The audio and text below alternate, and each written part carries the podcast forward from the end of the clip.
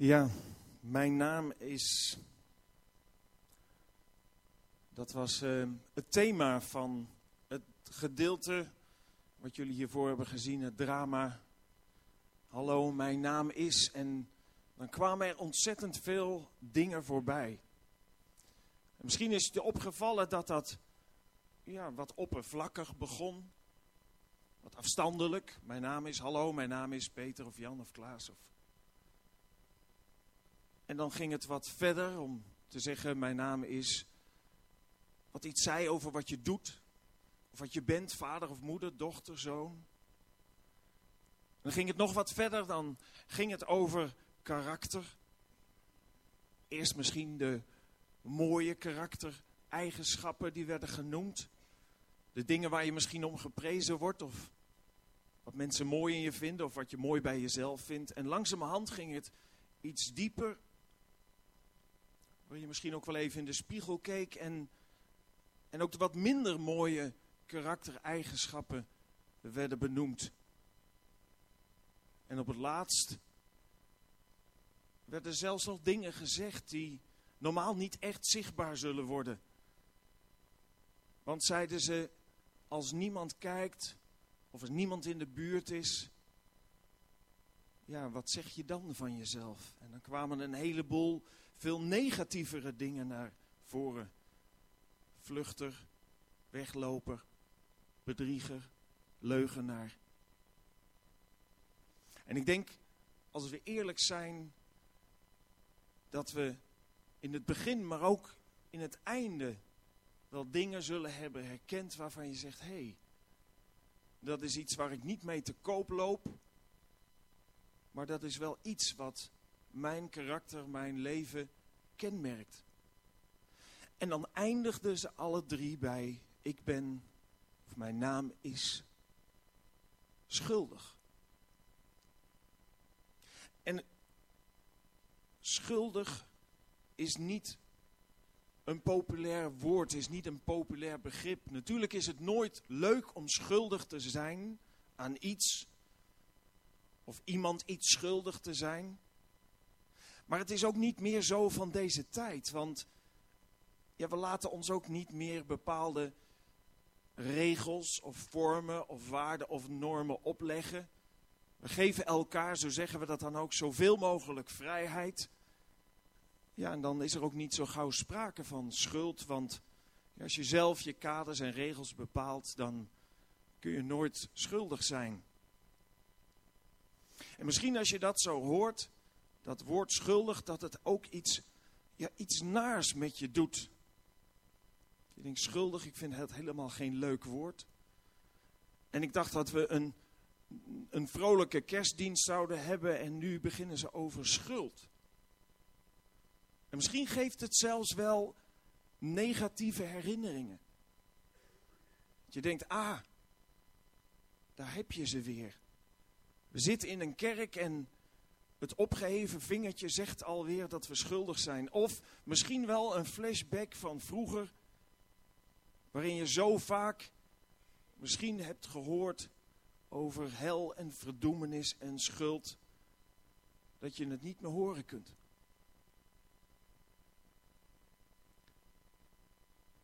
Toch is schuldig, ervaren van schuld, een kans. Want het ervaren van dingen waaraan je schuldig bent of waaraan je schuldig hebt gemaakt, bieden eigenlijk ook gelegenheden als je dat bewust bent om dingen te herstellen die kapot zijn gegaan. Want dat is iets wat bij schuld altijd onlosmakelijk verbonden is. Dat is verwijdering tussen jou en degene aan wie je iets schuldig bent. Of het nou financieel is of je hebt iets gedaan je hebt je schuldig gemaakt aan iets. Het leidt altijd tot verwijdering, tot een breuk. En dat voelt niet goed. En op een, een of andere manier, hoe wij ook, ja, eigenlijk dat woord misschien ontwijken, maar hoe we ook die, die momenten dat we in de spiegel zouden kunnen kijken en eerlijk naar onszelf zouden kijken, misschien uit de weg gaan toch zijn er momenten waarop je realiseert: hé, hey, zit het wel goed in mijn leven? Ben ik goed met dingen bezig? En ik kreeg gisteren bij de Stentor deze bijlage. Misschien voor degenen die Stentor lezen, die hem ook hebben gehad. Een hele bijlage die ging over verlossing. Vanuit van allerlei verschillende perspectieven. Het eerste artikel begon met altijd op zoek naar verlossing. De mens is altijd op zoek naar verlossing. Het kopje zegt de oude droom uit de christelijke traditie die spreekt van verlossing door het lijden en sterven aan het kruis van de Heer Jezus Christus is vervlogen. Nu kiest ieder zijn eigen verlossing en verlosser. En met die laatste zin ben ik het niet helemaal eens. Ja, wel dat we dat proberen. Maar eigenlijk zou ik niet zeggen, nu kiest iedereen zijn eigen verlossing. Maar nog steeds zoekt iedereen zijn eigen verlossing. En zo gaat dat hele, die hele bijlage over de zoektocht naar verlossing. En in het woord verlossing zit losmaken, losser. Dat is een term die we niet zoveel meer gebruiken, maar een losser is iemand die een schuld afbetaalt. Die een schuld inlost.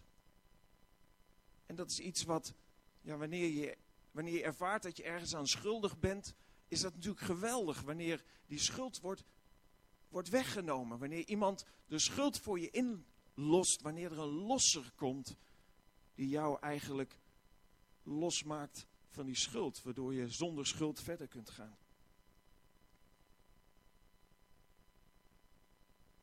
En op een, een of andere manier willen we aan de ene kant niet nadenken over schuld, of willen we er niet bij bepaald worden, of willen we er niet aan omdat het niet past in deze tijd.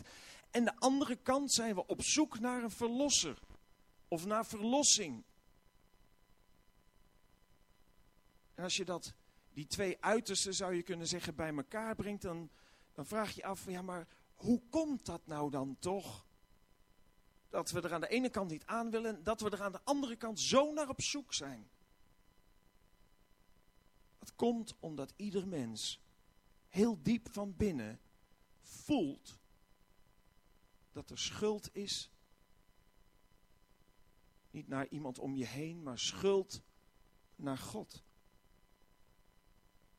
En of je het erkent of ontkent, dat neemt het gevoel niet weg. Ik hoef ook nooit uit te leggen dat God bestaat. Dat kan ik ook niet uitleggen.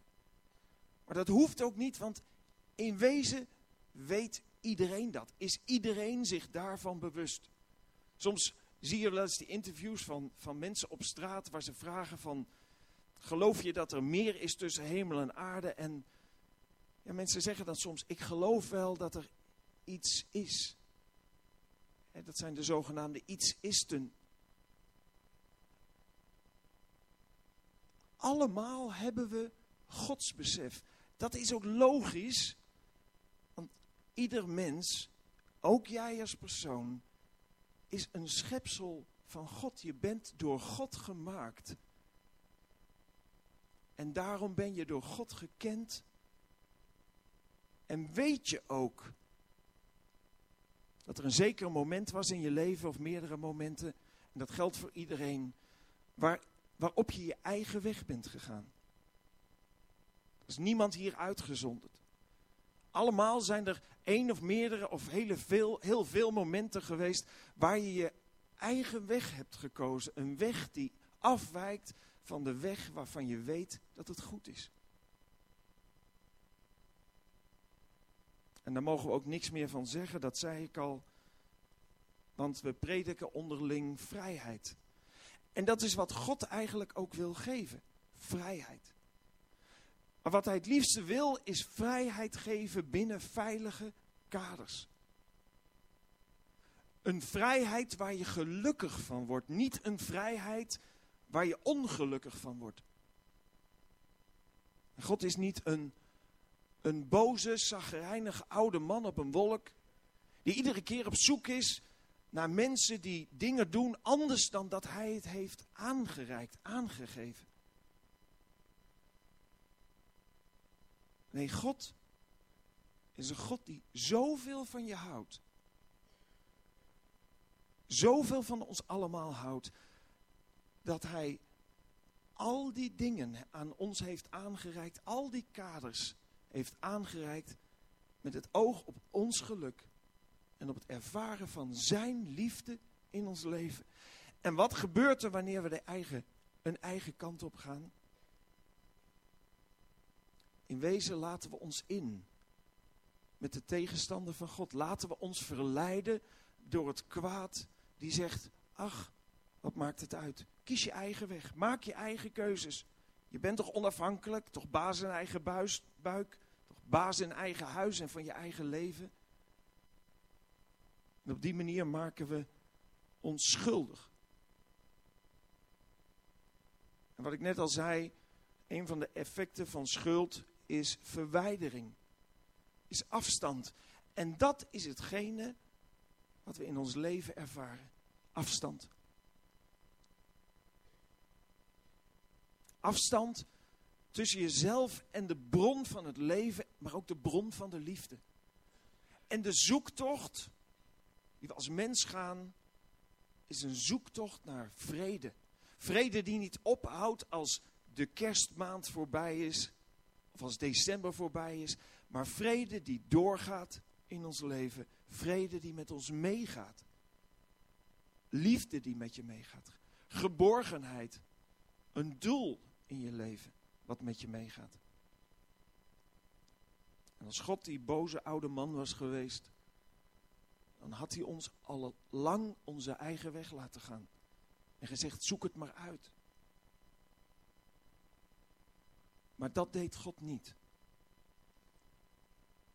Jezus Christus kwam op deze aarde niet om te genieten van het leven, maar om een hele moeilijke en indringende boodschap te verkondigen en uiteindelijk in de wetenschap dat hij zal gaan sterven. En sterven waarom? Omdat hij de losser is van ieder mens op aarde die schuldig is. Schuldig ten opzichte van God, maar ook zijn leven verschuldigd aan de tegenstander van God, waaraan we ons hebben uitgeleverd. En als Jezus Christus die moeilijke weg gaat, dan doet hij dat en heeft hij dat gedaan vanuit liefde voor jou en mij. Zelfs toen hij aan het kruis hing, zei hij nog tegen de mensen die dat veroorzaakten: Vader, vergeef het hun, want ze weten niet wat ze doen. Zo groot is de liefde van Jezus voor jou en mij. Hij betaalde de losprijs om ons los te kopen uit de klauwen van het kwaad. Gaan even naar een videoclip kijken waarin eigenlijk dat verhaal uitgebeeld wordt en verteld wordt op een hele eigen manier.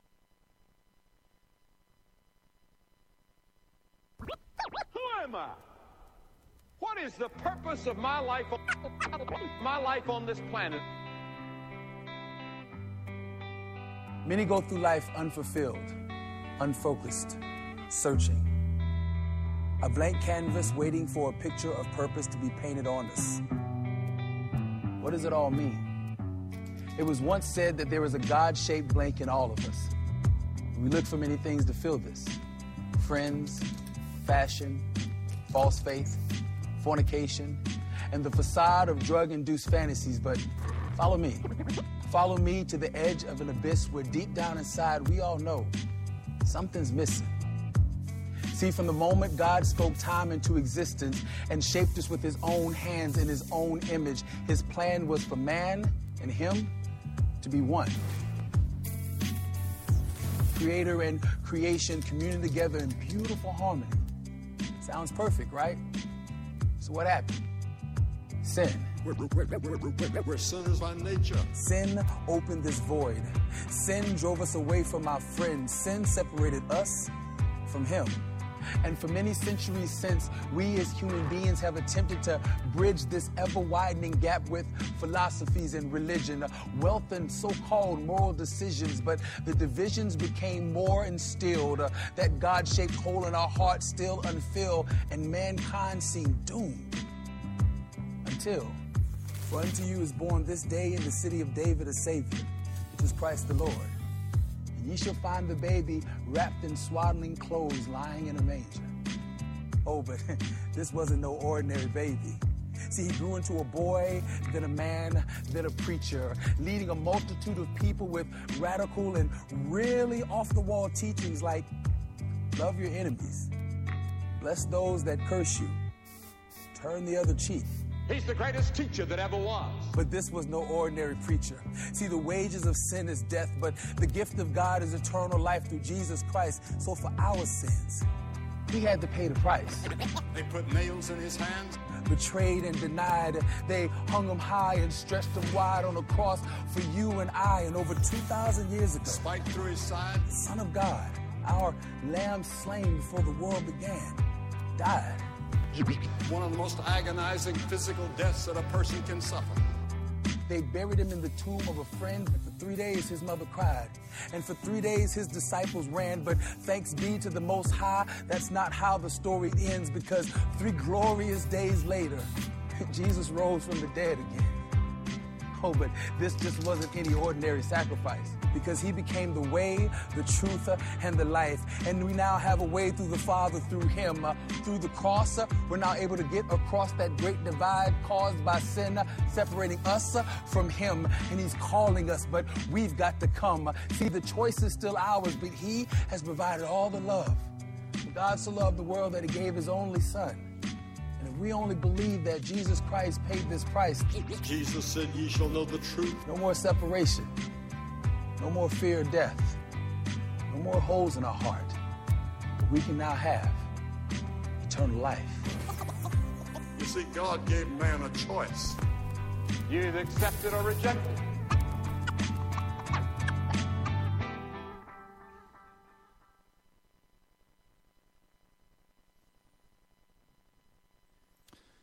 schuldig zijn, nogmaals, is niet bedoeld als een aanklacht of als een vingertje. Het feit dat, dat er in de Bijbel het nodig over geschreven wordt, is vanuit het verlangen wat God heeft. Om ons te laten beseffen. Het verlangen wat God heeft, dat we ontdekken wat onze positie is ten opzichte van Hem dat er scheiding is gekomen tussen God en ons, zoals we dat zagen, die kloof. Die we wel proberen te overbruggen, want we zijn op zoek naar dat geluk. We zijn eigenlijk op zoek naar dat herstel, maar we zoeken het overal, behalve daar waar het te vinden is. En het schuldig zijn is niet bedoeld als een aanklacht, maar het is bedoeld om je aan te zetten, na te denken over je leven, je verantwoordelijkheden.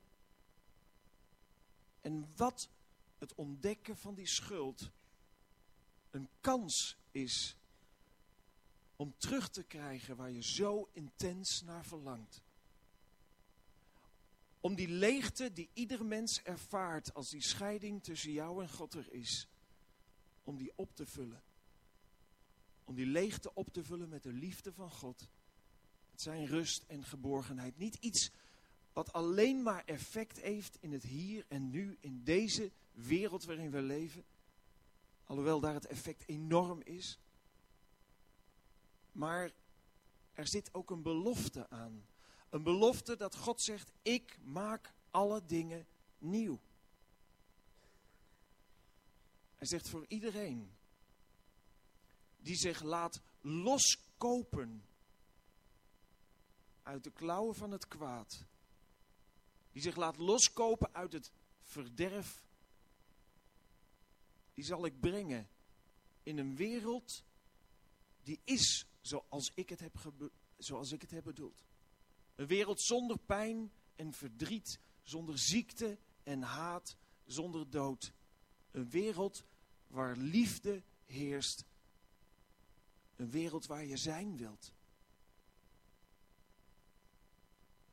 En dat is ook hetgene wat, wat God ons nog steeds door Jezus Christus aanbiedt, ook in 2008. Ook misschien wel heel bijzonder op deze dag waarop we stilstaan bij de geboorte van de losser, de verlosser.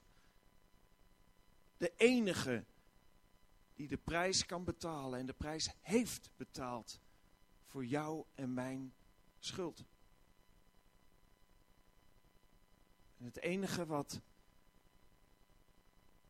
wat van ons gevraagd wordt is, willen wij die losser, willen wij die losprijs uit zijn hand aannemen? En willen we ons, willen we onze schuld aan hem overdragen en onze relatie met God herstellen. En die tekst kwam net voorbij. Al zo lief heeft God de wereld gehad, dat hij zijn enige geboren zoon gegeven heeft. Opdat een ieder die in hem gelooft niet verloren gaat, maar eeuwig leven heeft. Het verlangen van God is niet om ons onderuit te halen, om ons eens even een flinke zet te geven. Het verlangen van God is om je zijn liefde te laten ervaren en je leven terug te geven wat je bent kwijtgeraakt. En ik zou je willen vragen om hier niet weg te gaan als je die losprijs uit de hand van de Heer Jezus niet hebt aangenomen.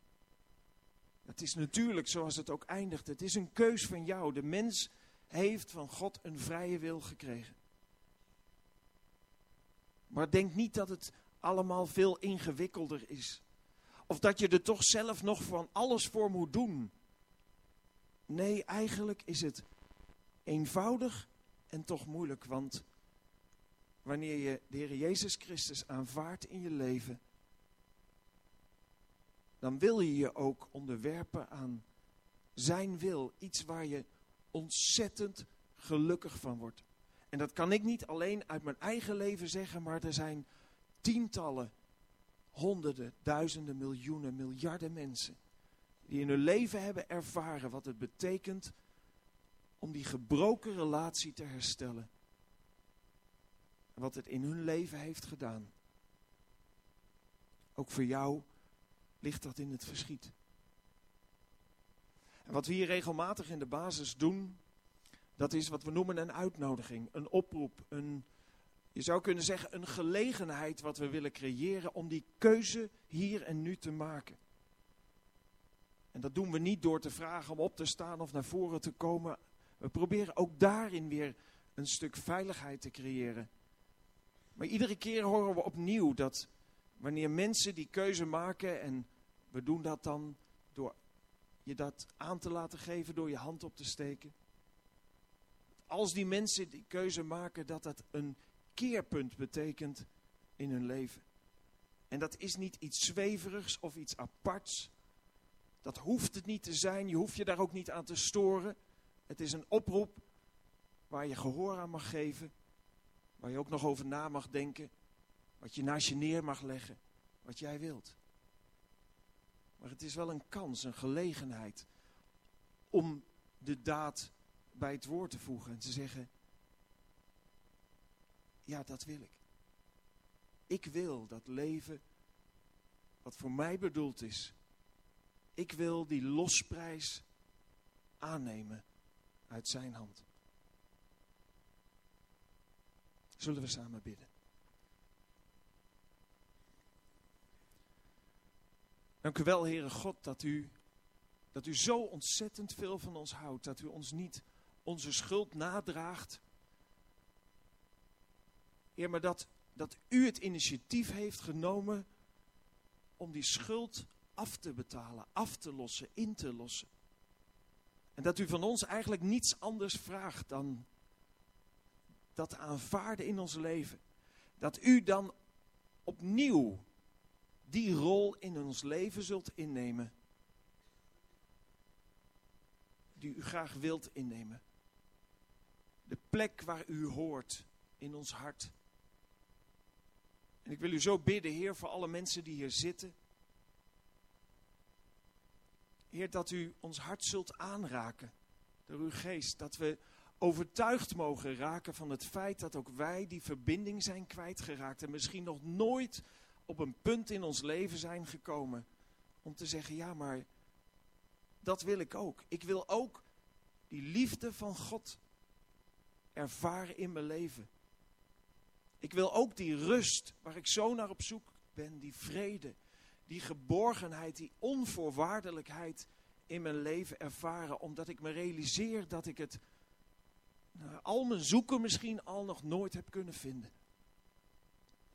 En u, Heer Jezus, zegt, ik ben de weg, de waarheid en het leven. Niemand komt tot de Vader dan door mij. En u heeft een hoge prijs betaald om dat te kunnen zeggen.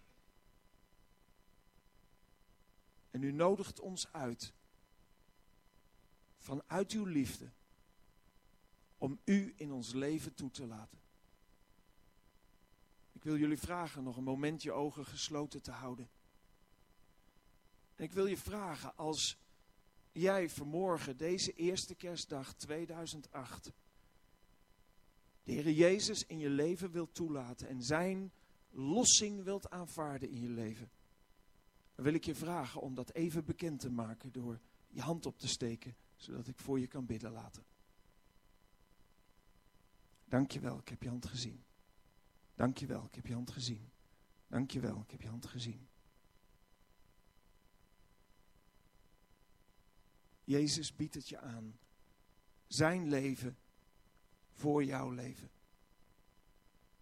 Als je dit leven wilt aanvaarden, steek dan even je hand op.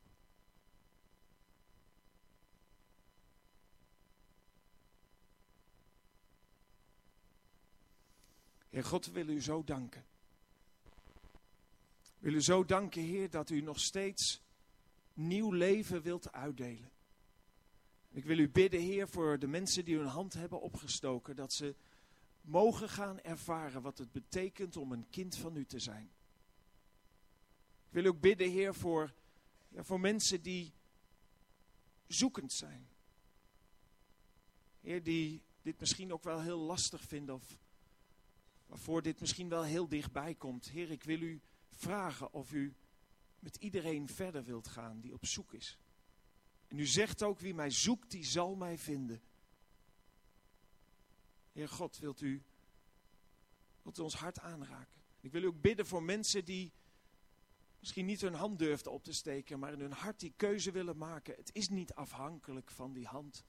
Het is alleen maar een, een hulpmiddel, een mijlpaal in ons leven. Heer, maar ik wil u bidden of u, of u ons wilt meenemen op die weg van vrede en van liefde. Meenemen op die weg en het perspectief naar eeuwig leven. Dat vragen we u in Jezus' naam. Amen.